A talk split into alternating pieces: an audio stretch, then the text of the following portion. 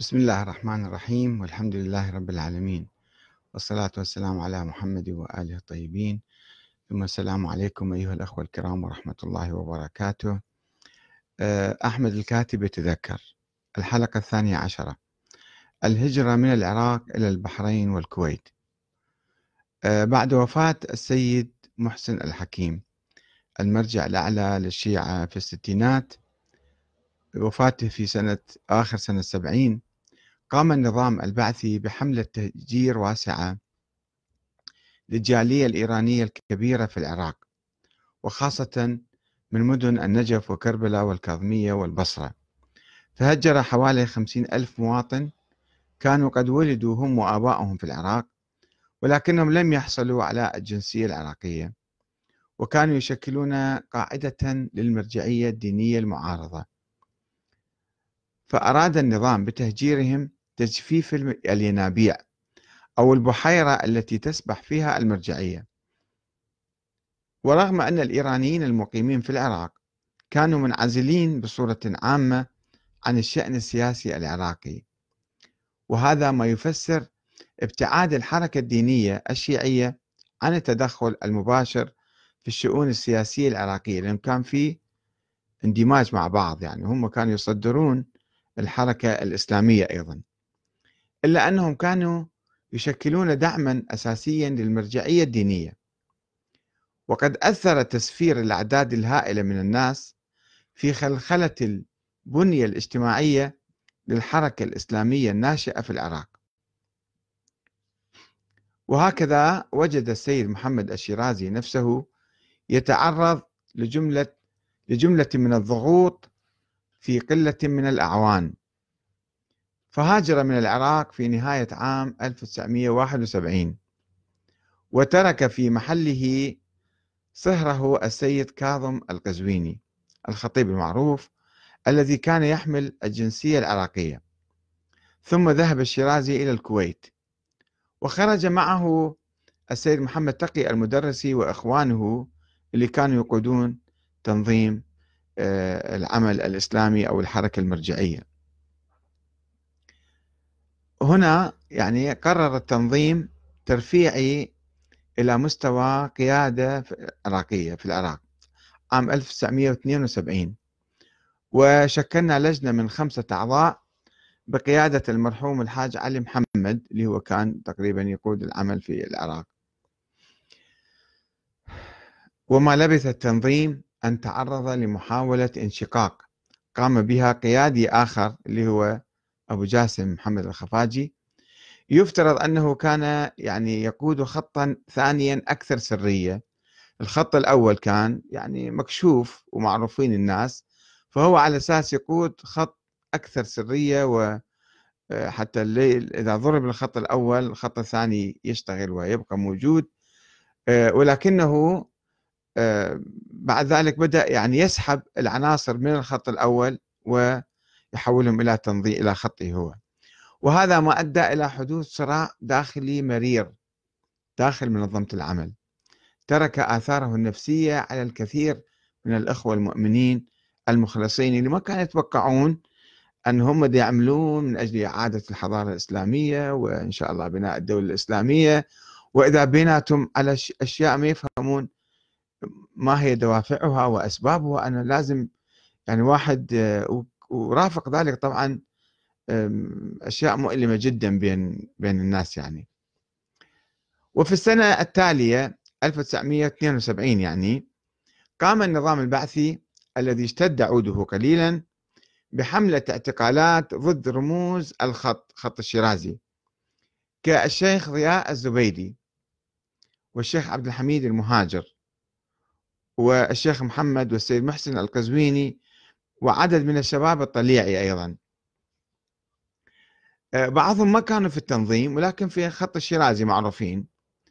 آه، ومثلا مدرسين في مدرسة آه، حفاظ القرآن الحكيم أو في النشاطات العامة. وأودعهم في معتقل الفضيلية شرقي بغداد. وكان اسمي من بين الأشخاص المطلوبين ولكني استطعت أن أختفي عن أعين المخابرات مرة أخرى. وذهبت لأعمل نزعت عمامتي وبدأت أعمل في معمل عند أخوالي معمل خراطة لعدة أشهر. وفكرت في نفس الوقت بالسفر من العراق أو بالحقيقة أصدر التنظيم إلي إشارة بالخروج. فأخذت أعد وثائق السفر الضرورية من استخراج شهادة الجنسية إلى استخراج الجواز الذي لم يسمحوا لي فيه بالسفر إلا إلى إمارات الخليج العربية. فقط. يعني كتبوا في الجواز أنه يعني آه، ولم أكن مطلوبا للخدمة العسكرية بعد حيث كان عمري في الجنسية أقل بثلاث سنوات. وحاولت الحصول على فيزا للكويت فلم أوفق. ولم أستطع السفر إلى أي دولة خليجية. ما عدا البحرين التي كانت تسمح العراقيين بثلاثة أيام من غير فيزا يدخلوها ذيك الأيام. ورغم أني وجدت في جواز السفر ورقة خروج من السجن الكبير إلا أن النافذة المفتوحة كانت ضيقة جدا جدا. وهكذا استقليت الطائرة إلى البحرين في 17 أيلول 1973 عندما هبطت الطائرة هبطت من الطائرة في مطار المحرق شعرت كأني أدخل في حمام ساخن اسمه البحرين. وأخذت التاكسي إلى عنوان صديق كان يفترض أن يكون بانتظاري وهو أستاذي القديم السيد هادي المدرسي. ولكنه كان مسافرا في لبنان رايح. ويبدو أنه كان ينتظرني قبل شهر لأخذ لأخذي معه إلى مؤتمر حركي يعقد لأول مرة بعد خروج القيادة من العراق. فلم أتمكن من اللحاق به وتأخرت شوية بالسفر. فلم أدري ماذا أفعل. ذهبت إلى أحد الفنادق في العاصمة ولست أدري ماذا أفعل. وتأشيرة دخولي للبلد لا تتجاوز الثلاثة أيام. ولا أعرف أحدا آخر في البحرين. وبينما كنت أسير في أحد الأسواق وإذا بشاب يسلم علي باسمي ويمد يده يصافحني.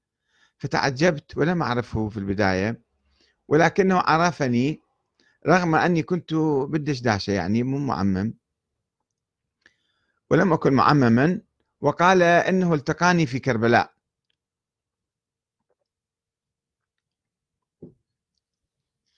قال إنه التقاني في كربلاء خلال زيارة له العام الماضي.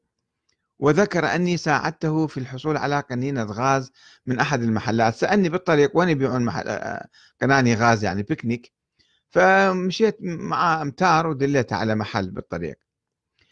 آه، وذكر آه نعم. وأنه الآن يريد أن يكافئني باستضافتي في بيته ولم تنفع المجاملة معه حيث حمل حقيبتي إلى بيته الصغير أيضا بانتظار مجيء السيد هادي المدرسي.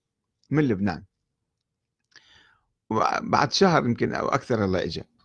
وتعرفت بواسطته إلى عدد من الأخوة البحارنة الذين لم أجد أطيب منهم حقيقة وأكثر وداعة وهدوءا وسلاما ومحبة. وفي البحرين أدركت ماذا يعني العنف الذي اعتدنا عليه نحن العراقيون. وكان الأخوة البحارنة يمزحون معي بتذكيري بقصص طريفة يحتفظون بها من زياراتهم العراق وتعامل الباعة العراقيين معهم بعنف وخاصة عندما يشترون البطيخ العراقي الرقي يعني على شرط السكين فيخرج فطيرا أو أبيض وعندما يحاولون استبداله أو استرجاع نقودهم يخرج يخرج البائع سكينه ليهددهم بشق بطونهم. يلا روح وكانوا يسألوني فيما إذا كنت أحمل سكينا في مخباي يعني في جيبي ولم يوفروا حتى السيد المدرسي الذي كانوا يقولون أنه يحمل سكينا صغيرا في جيبه. إذ لا يعقل في تصورهم أن يسير العراقي من دون سكين. بعد وصول السيد المدرسي إلى البحرين تعرفت إلى آفاق التطور الذي حدث في الحركة وانتصارها على القيود والحواجز البعثية والإقليمية التي تقيد المواطنين وتمنعهم من الحركة والانتقال من بلد إلى آخر. ولم يكن أسهل من السفر بهذه الطرق الحديثة والذهاب إلى إلى الكويت بالطائرة. والسلام عليكم ورحمة الله وبركاته.